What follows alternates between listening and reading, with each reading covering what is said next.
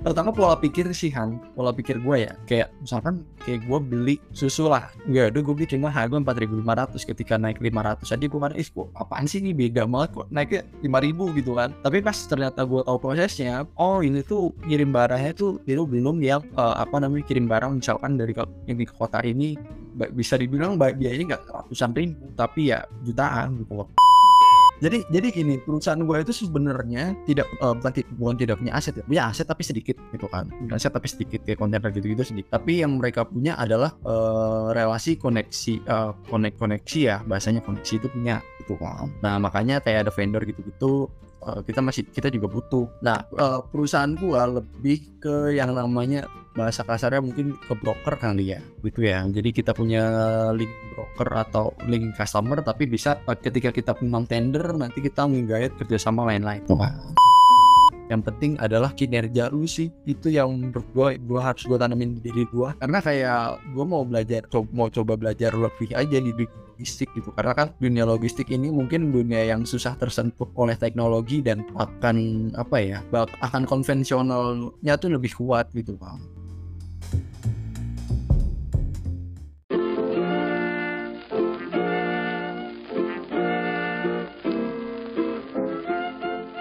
antara banyak peran yang orang miliki, kamu perlu tahu salah satunya.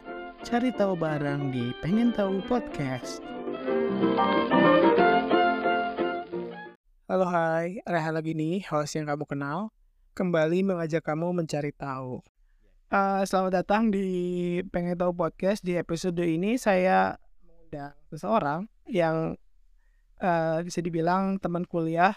Boleh perkenalkan diri kira-kira sekarang lagi ngejalanin apa dan ngapain aja sih itu teh? Silakan. Oke, okay, halo teman-teman pengen tahu podcast. Uh, Sebenarnya gue ngasing sih kalau di podcast Rehan ya. Ya. Cuma gue mau perkenalkan diri lagi aja nih gue. Uh, nama gue Dava. Uh, kebetulan gue temen kuliahnya Rehan. Karena sekarang uh, gue lagi kerja atau berkarir di PT LX Pantos dan di bagiannya itu WNB Pricing Vendor Management. Apa itu? Apa itu namanya? Apa WNB Pricing Management? Vendor, ya vendor, vendor management. Boleh ya. dijelasin nggak secara ya, secara definisinya dulu gitu? Oke. Okay. Jadi dari segi definisinya itu, definisi singkatnya itu mungkin lebih ke penataan harga dan uh, manajemen beberapa vendor ya. Kalau untuk singkatnya ya.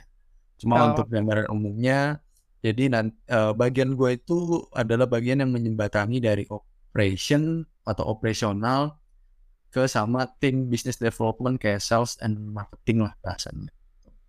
Jadi saling timbal balik kalau misalkan operation butuh unit atau butuh kan karena gua di tracking ya jadi kayak kebutuhan untuk uh, logistik kayak contoh misalkan operation butuh wingbox untuk project uh, dari customer apa nah itu bisa larinya ke gua. Tapi kalau dari sales ke gua uh, dari sales ke bagian yang tadi gua sebutin uh, pricing dan vendor management itu uh, paling lebih ke harga. Misalkan dari rute Tangerang nih ke Surabaya pakai unit contoh lah wingbox atau pakai kontainer ya kan? Nah, harga ini berapa dan lokasi ke mereka dan mereka up ke customer untuk bimbing gitu sih. Oke, okay, sorry sebelum lanjut, gue mau memperkenalkan co-host pada episode kali ini. Silakan.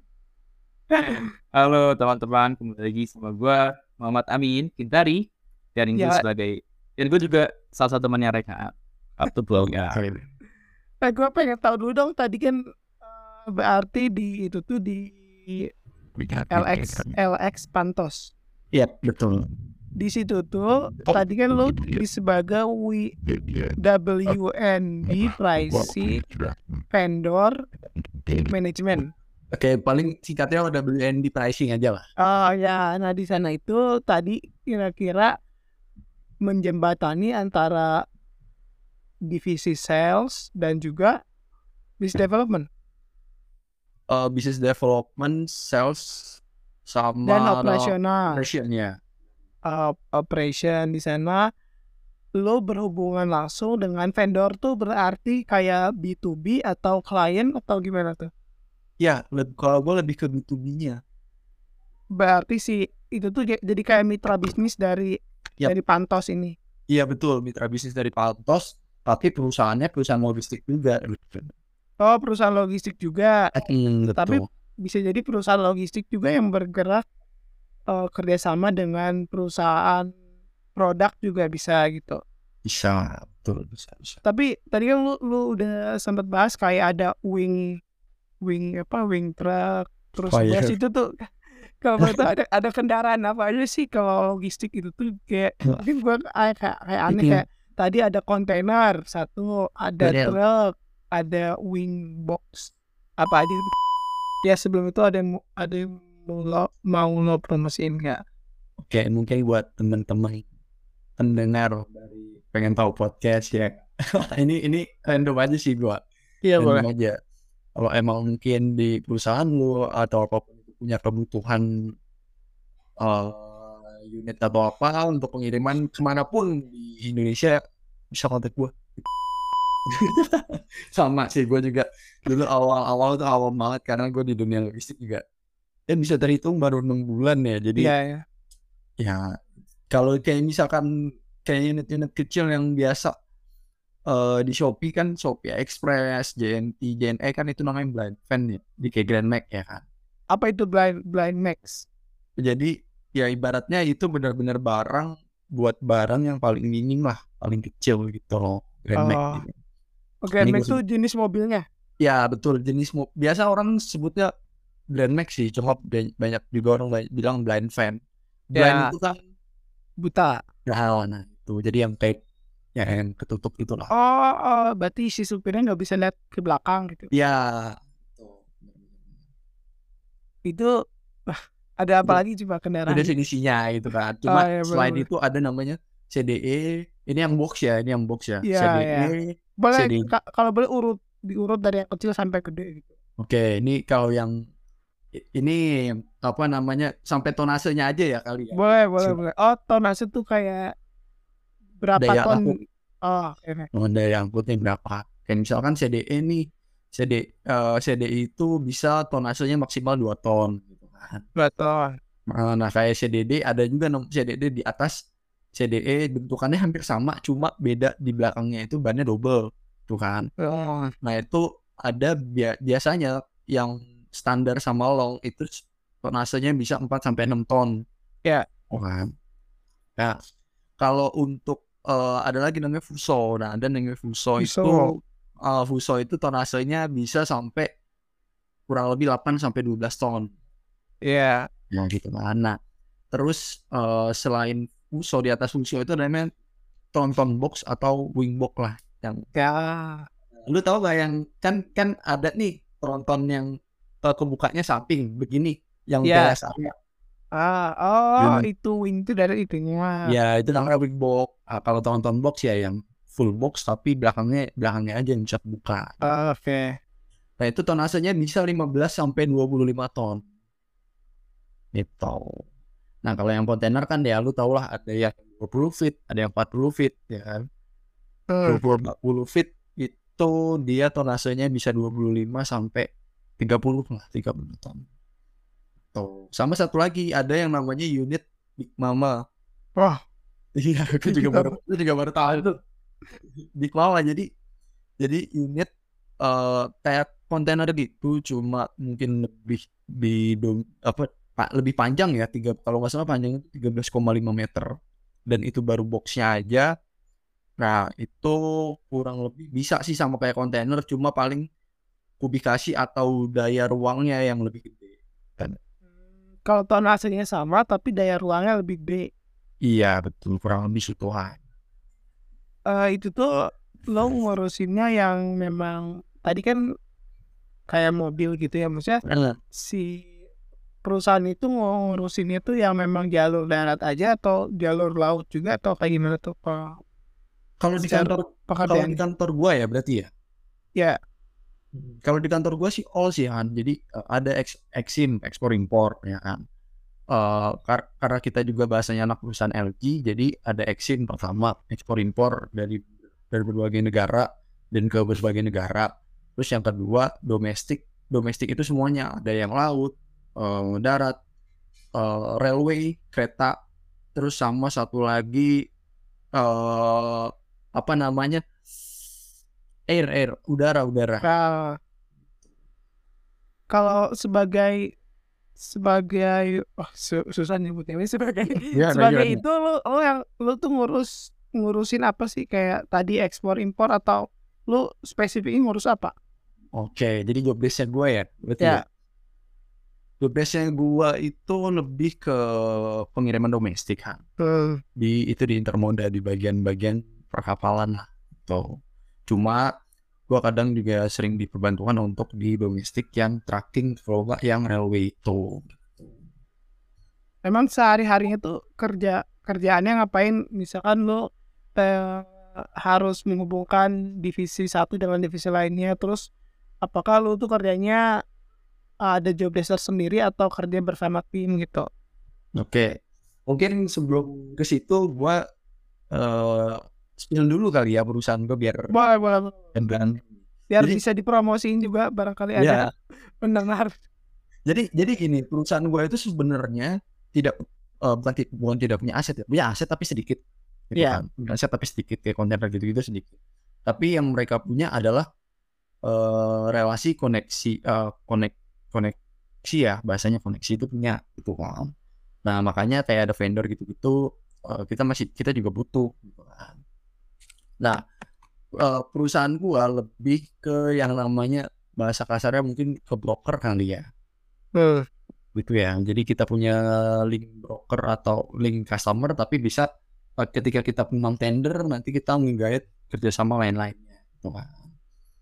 Nah, tadi kan yang ditanyain adalah job desk ya Han ya, benar nggak sih? Ya, ya benar-benar. Nah, Jadi kayak kalau misalkan di gua job desk-nya itu eh gua lebih kayak analisa harga sih.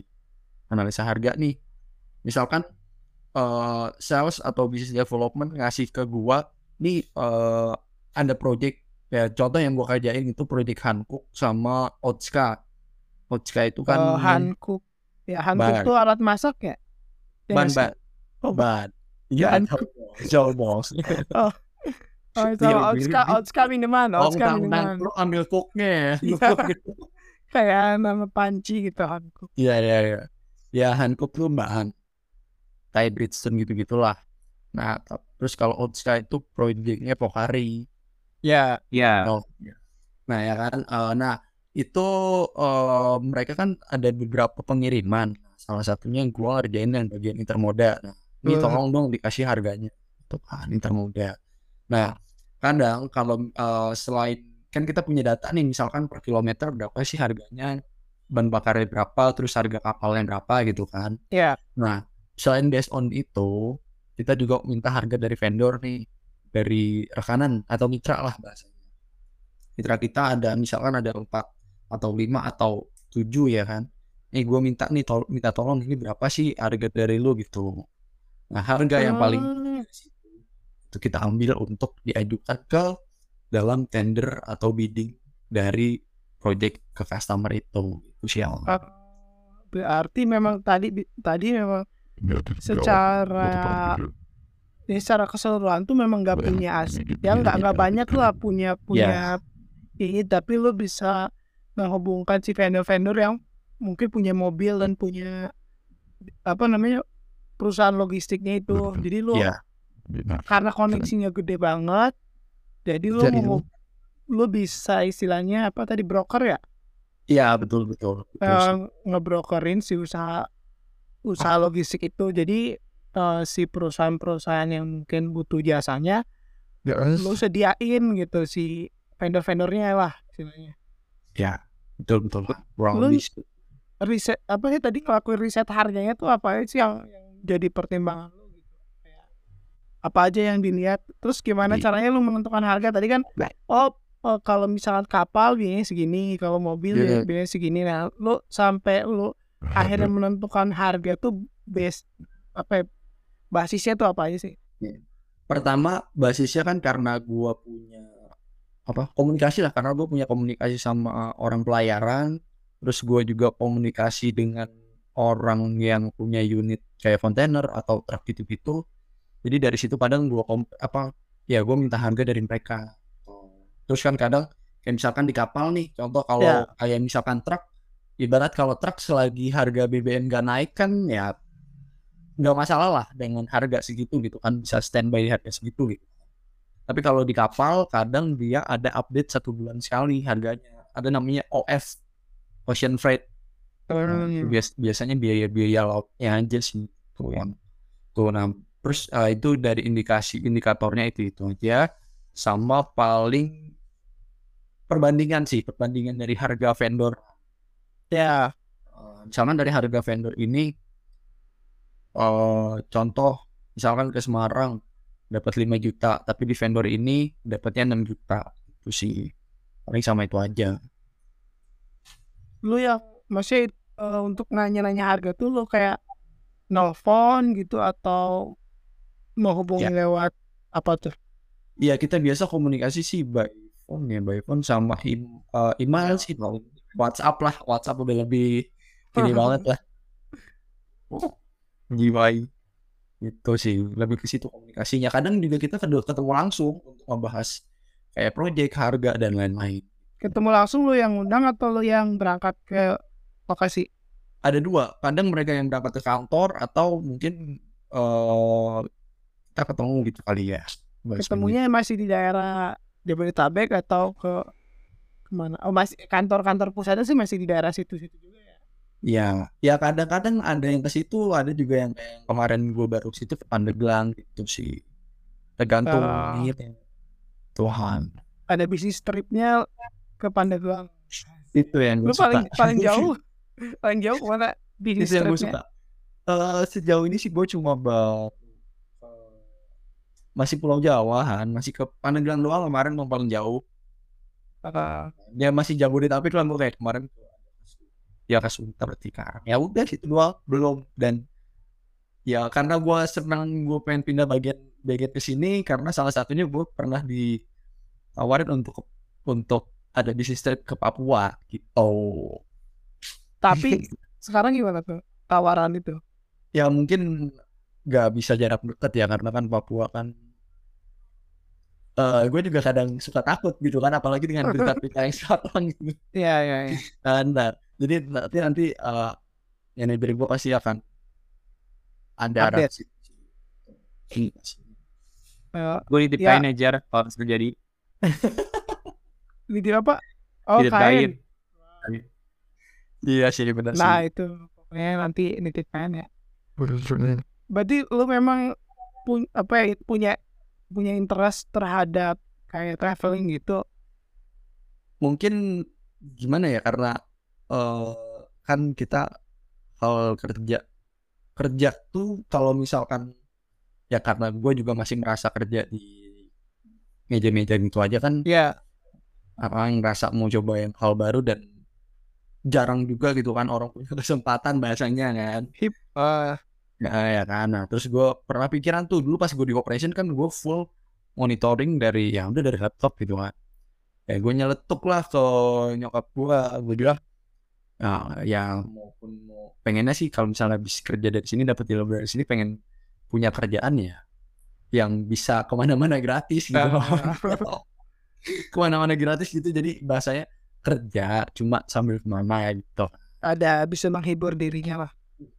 Iya betul. Eh gak lama kemudian satu bulanan ada kali satu bulan kemudian eh gue di bagian yang gue bisa explore ke situ gitu loh.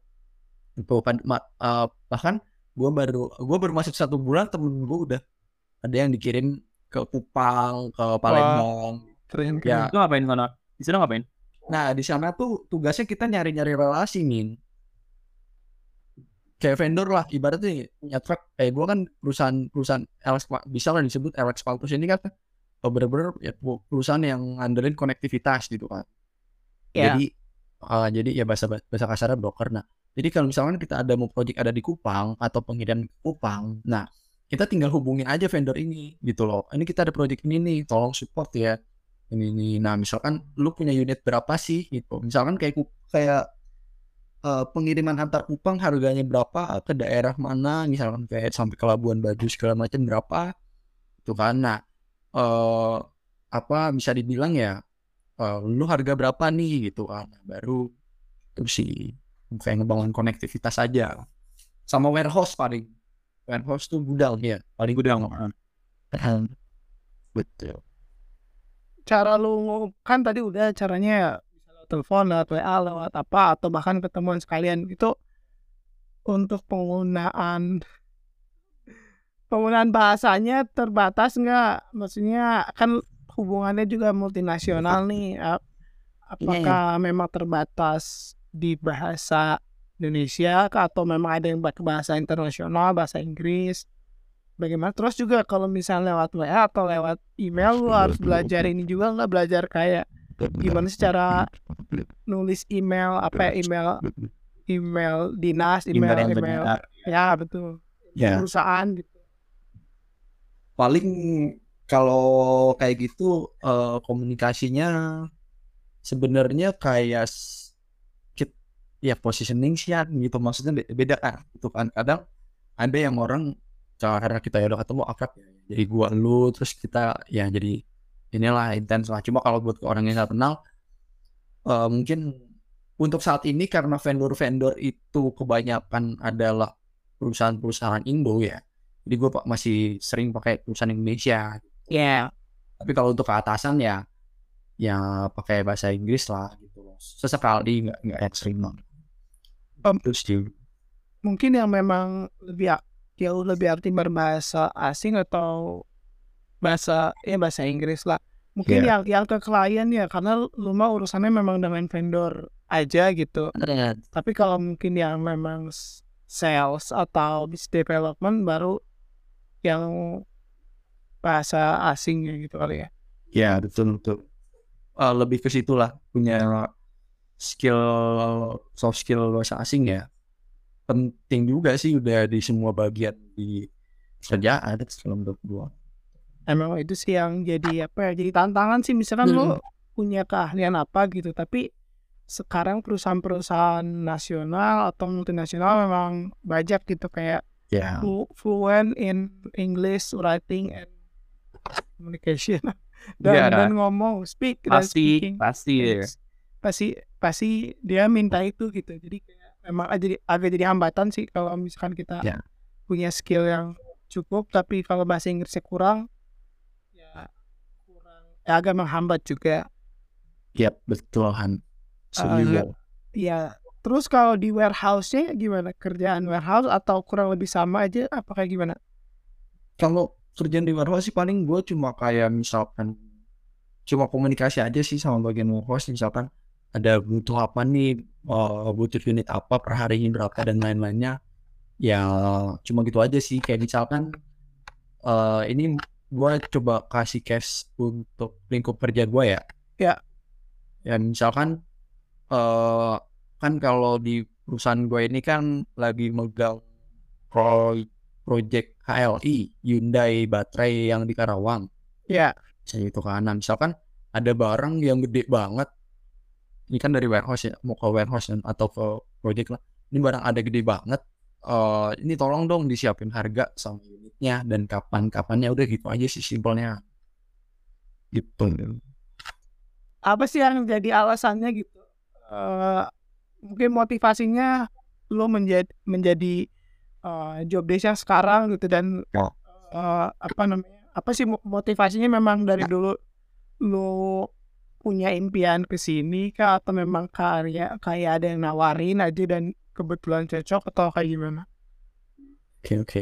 Sebenarnya kalau mimpi impian gue nggak punya logistik sama sekali ya, apalagi Iya. ilmunya kan kita nggak pernah, bukan nggak pernah belajar ya. Kayak kita SCM kan kita cuma ya paling ya lumayan lah lumayan Ya, basic ya lah. ada lah ilmunya lah gitu lah gitu ya gitulah. lah Ya jujur ya ini mungkin cerita aja. Emang tadinya di DC itu kan gue jadi sales ya bahasanya di DC yang perusahaan dia saham juga tuh. Kan di CFX. ya tadinya gue pengen banget tuh pindah dari sales ke marketing gitu. Ya. dan kebetulan emang di apa namanya eh di dan emang kebetulan dari pihak marketingnya juga approve gitu dan approve kalau gue tuh ya udah coba deh di interview gitu kan cuma ditahan lah sama atasan gua. Bukan bukan ditahan juga ya maksudnya eh mungkin Diarahkan. yang bukan waktu yang tepat lah gitu. Iya.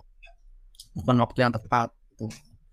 Nah udah tuh dan akhirnya gue pikir cara lain. Aduh kenapa gitu ya dan gimana gitu gua.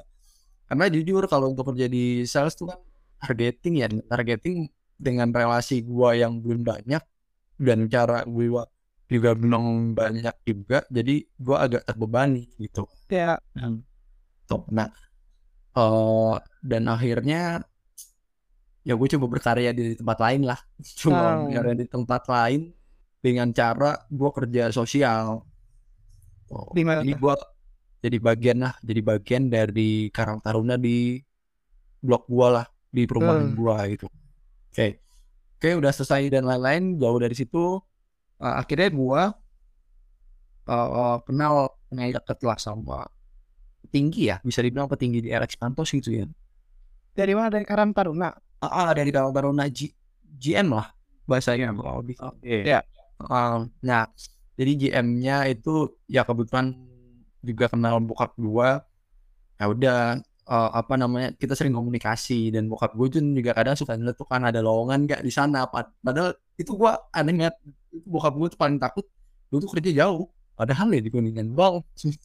Lah. Ya. Gue sekarang lebih dekat coy. Nah iya cuma sekarang lebih dekat bawa Queens. So, ya, eh, ya udah akhirnya ada oh ada nih kebetulan ya udah tuh pas banget di hari Jumat tutup ya di hari Jumat gua apply gitu paginya tuh kan ya udah akhirnya singkat cerita gue cobain gue coba interview di sana dan pengumumannya tiga hari empat hari muncul gua ngajuin resign. Nah di saat gua ngajuin resign gua ditawarin interview ada eh, sama atasan yang di marketing dilema nggak gue itu? Dilema nggak gue secara gitu kan tapi ya balik lagi gue udah komitmen ke gue ngayain. Ke apa namanya? Ke Yang baru. ya yang di Cibitung ini yang Alex Pantos ini ya akhirnya tanpa ada cita-cita tanpa ada Gambaran. ya tanpa ada gambaran dan planning ke situ ya akhirnya gue jalanin aja di situ gitu sih Hon. itu sih Iya, so far gimana aja kerja di situ? Kan secara cara apa ya? Cara apa yang kita pelajari di kuliah, di kampus sama apa yang yang saham dan sekarang itu kan pasti ya jauh gitu. Nah, lu gimana gitu jalanin? Iya. Ya beda beda banget sih, beda gua akuin ya emang beda gitu kan karena eh gue harus punya waktu adaptasi gitu lagi kan gitu kan bahasanya. Nah, jadi ya gua harus belajar dari nol lagi bahasanya min gitu kan. Belajar dari nol lagi. Cuma ya gua sih seneng karena diri gua punya cara adaptasi yang mungkin bisa eh apa namanya bisa mudah lah nggak bisa diberbaur bisa mudah lah akhirnya gua ada di sini gitu loh. Dan tadinya kan di operation ya jujur kalau di operation lah gua maksudnya belajar dari awal mah gampang gitu kan. Iya. ya kan maksudnya orang masuk orang masuk pun datang bisa bisa masuk operation gitu. Tapi pas gue pindah ke WND pricing ini eh kata gue lah ini mah temen-temen gue yang udah punya pengalaman di 10 tahun 20 tahun Iya, di iya. situ dan bagian mereka juga bukan ya bahasanya bukan staff lah tapi ya udah yang supervisor up lah gitu loh itu sih paling ya intinya adaptasi gue gue gue harus memposisikan diri gue gue tuh miskin ilmu sih so There's no Iya. divider kan? iya Asik. Oke. Eh tapi kalau seleksinya tadi ngapain sih seleksinya apa aja yang diseleksi Aduh. terus step by stepnya apa aja gitu untuk sebenarnya sim simpelnya itu ya kita seleksi administrasi ya kayak misalkan ya cuma kayak background gitu-gitu kan ya kayak background di CV lah gitu kan terus habis itu ada interview sama tes udah gitu aja sih simpelnya tes apaan tuh? tesnya nggak nggak muluk-muluk akademik sih paling eh enggak bukan akademik lebih ke apa kalau diri itu apa Psikotes, Psikotes. psikotes. ya psikotes pak Eh tapi memang dari awal lu tahu bahwa lu daftar pasti depa- ditempatin di situ atau kayak gimana? ya gue tahu gue tahu itu Di posisi yang sekarang gitu. ah enggak enggak itu nggak tahu sama itu bener-bener hal yang di luar Berarti lu eh, mendaftarnya ke posisi apa dong? Tadinya ditawarkan bagian operation. Oh iya. operation lah nah tap, karena tapi sekarang kan karena dipindah jadi ya bagian ini WND pricing. Gitu ya tadinya gua kan emang di Cibitung ya cuma gua Ya. kaget pas hari pertama kok gua mikir loh kok gua ditaruh di Karawang yang di Project HL itu? Itu nggak salah nih gua mikir kan gua udah panik nih. And bang ada planning di situ dong lagi Karawang jauh dong Kenapa jauh? HL tuh yang baterai itu ya yang ya yang Hyundai yang baterai motor. lithium. ah bat ya lithium itu. Kan bingung lah gua. Ya udah akhirnya gua make sure lagi ke pak ini kan saya bukan oh iya iya benar-benar kamu eh, nanti yang ini project eh, operation projectnya Nestle ya? Oh iya ada pak. Tengah gua gitu. Berarti gitu operation. Maksudnya operation manager Nes- Nestle itu gimana? In- jadi di Nestle operation juga. operation ya operation Nestle. Jadi gua yang kan Pantos tuh kerja sama sama Nestle buat pengirimannya. Jadi nanti kalau Nestle butuh butuh apa namanya butuh permintaan unit apa dan tujuan ke mana di areanya dia yang apa di areanya misalkan nih di areanya dia Medan ya request ke kita ya gue yang order unitnya. Tuh yang Berarti sejauh ini tantangannya maksudnya kan lu menyesuaikan diri gitu tantangan Ya. dari lu yang memang polos soal logistik gitu sampai ke sekarang tuh apa sih yang yang yang menurut lu sebagai tantangan gitu kerja di bidang logistik tantangan ya tantangannya jadi eh gue kan biasa komunikasi namanya sales ya namanya sales kan gue biasa komunikasi middle to up ya. Ya. jadi gue gue tau lah gitu tata kram ya udah tau nggak tahu tahu banget tapi gue ngerti lah cara kita gimana itu gitu kan komunikasi ke middle to up. Nah cuma gue harus bisa beradaptasi ke middle to low di mana middle to low itu kan komunikasinya ya keras keras gitu bener, kan. bener, ngerti lah gitu kan yang keras keras yang kalau kita ngomong AB kayak apa ABC kadang yang mereka nangkep ABD gitu kan ya jadi itu komunikasi dan banyak sabar dan satu lagi banyak premanislunya uang Ah, uang uang tak terduga lah. Gitu. Berarti lo memang menyesuaikan kayak apa ya istilahnya? Belajar punya pergaulan gitu pergaulan, pergaulan di lapangan gitu. iya beneran gua hobinya gitu. Nih kalau misalkan nih teman-teman yang lain gitu pengen punya keinginan berkiprah di posisi yang lo kerjain sekarang apa sih yang harus mereka lakukan gitu dan apa sih harus yang mungkin mereka perlu pelajari lah untuk persiapan ke arah sana. nah ini berarti gua bicaranya fresh graduate ya berarti ya fresh Ya. graduate Ya boleh boleh boleh. untuk ke sana ya eh, apa namanya ke ke ke di bagian gua berarti ya gitu ya. Ya ya ya. ya. nah di bagian gua berarti oh kayaknya nggak ada yang apa apa sih cuma paling ya lu butuh adaptasi sama kiner kinerja aja sih sama paling lebih ke pengetahuan di logistik ya lebih kayak misalkan pengetahuan di unit aja apa kayak unit unit yang tadi gua spill di awal gitu sih Kalau biar di biar waktu seleksinya bersaing tuh apa gitu yang masih dipersiapkan. Maksudnya ada nggak soalnya kan kita nih Iya, oke iya. oke belajar soal logistik gitu cuman kayak waktu di seleksinya kita kayak terpilih gitu atau apa yang mungkin bisa jadi pertimbangan gitu si HR atau si user gitu bisa milih kita gitu untuk lanjut ya gue mau fair-fairan aja ya. karena gue punya koneksi dan koneksi gue tahu gue kinerja gue di tempat lain seperti apa gitu kan jadi ya ya balik lagi mereka nggak yang nggak yang habis nggak banyak pikir lah Ya, itu salah satu aspek pentingnya barangkali ya tuh terus sama palingnya ya untuk dipersiapkan ya paling kita sering ya sering-sering tahu alur supply chain-nya aja sih atau ikut-ikut workshop supply chain juga oke. Oke.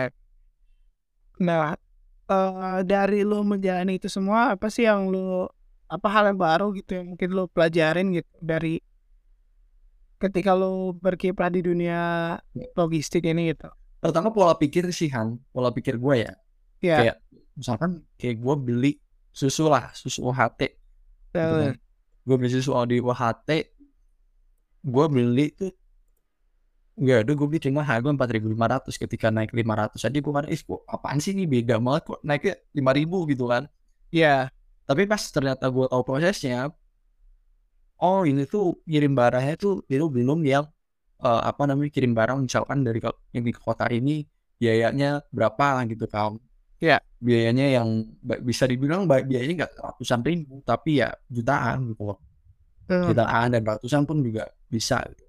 Dan ternyata tuh oh nggak cuma ke sini doang gitu. Dan dari dari dari produksi ke apa namanya alur sampai ke customer itu kan nggak cuma yang produksi outlet langsung sini tapi ke distribusi. Yang kayak tadi yang Amin kan ada juga pengiriman ke situ ke mana ke mana ke mana gitu kan. Ya gitulah. Lebih ke pola pikir gue oh ya udah justru kalau naik GoPay pun sebenarnya hal yang udah wajar aja gitu loh sebenarnya. Wajar dengan dinamika ekonomi saat ini. Iya sama satu lagi yang hal yang paling bermakna sama gua di tempat kerja ini terutama ya sama yang uh, programnya pemerintah yang omnibus law ya. Iya. Tentang itu ya. Ini nyambung sih. Eh usia itu nggak ngaruh. Terus jaba, eh, kar- eh, lu jadi karyawan tetap atau karyawan kontrak nggak ngaruh di kantor. Yang penting adalah kinerja lu sih. Itu yang gua, gua harus gua tanamin di diri gua. Karena kayak gua mau belajar, co- mau coba belajar lebih aja di dunia logistik gitu. Karena kan dunia logistik ini mungkin dunia yang susah tersentuh oleh teknologi dan akan apa ya, bak akan konvensionalnya tuh lebih kuat gitu bang. Tuh harus punya kinerja yang bagus. Ini kinerja ya, maksudnya Iya. bukan soal lu siapanya gitu. Iya betul. Kak. Bahkan Yang penting itu absensi buat jujur. ah ya absensi, absensi penting. Kenapa tuh? Absensi penting banget sih kalau buat kerja apalagi di masih kontrak kayak kita kita kan fresh graduate. Iya masih kontrak apalagi kalau misalkan mau perpanjang kontrak kan pasti di review dari ini kita apa absensi kita. Absensinya. Ada yang 40%, 50%, 60% gitu sih. Minimal berapa persen?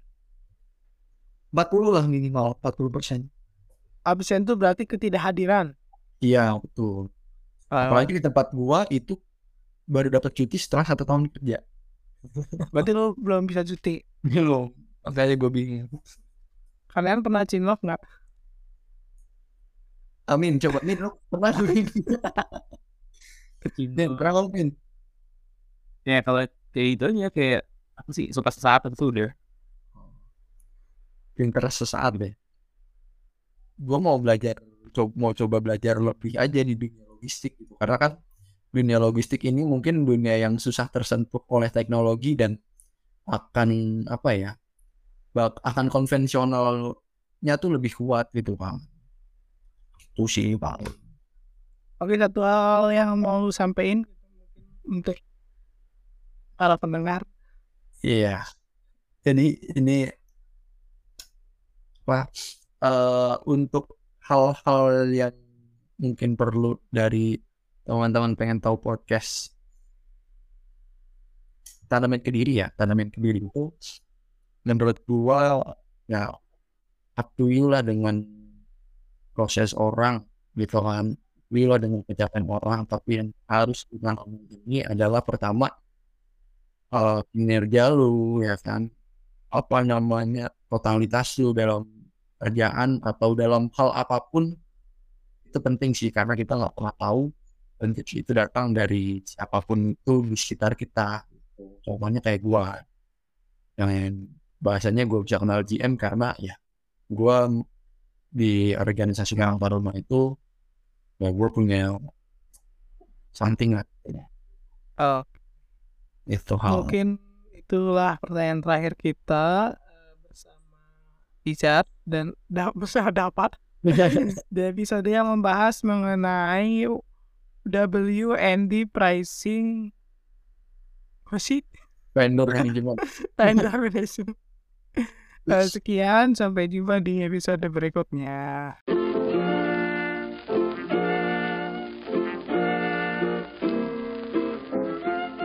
Makasih juga buat teman-teman para pencari tahu di episode berikutnya kita mau cari tahu soal apa lagi nih bisa request ke Instagram at pengen tahu podcast. Sampai jumpa di podcast berikutnya dengan narasumber dan cerita lainnya. Pengen tahu podcast jadi makin tahu.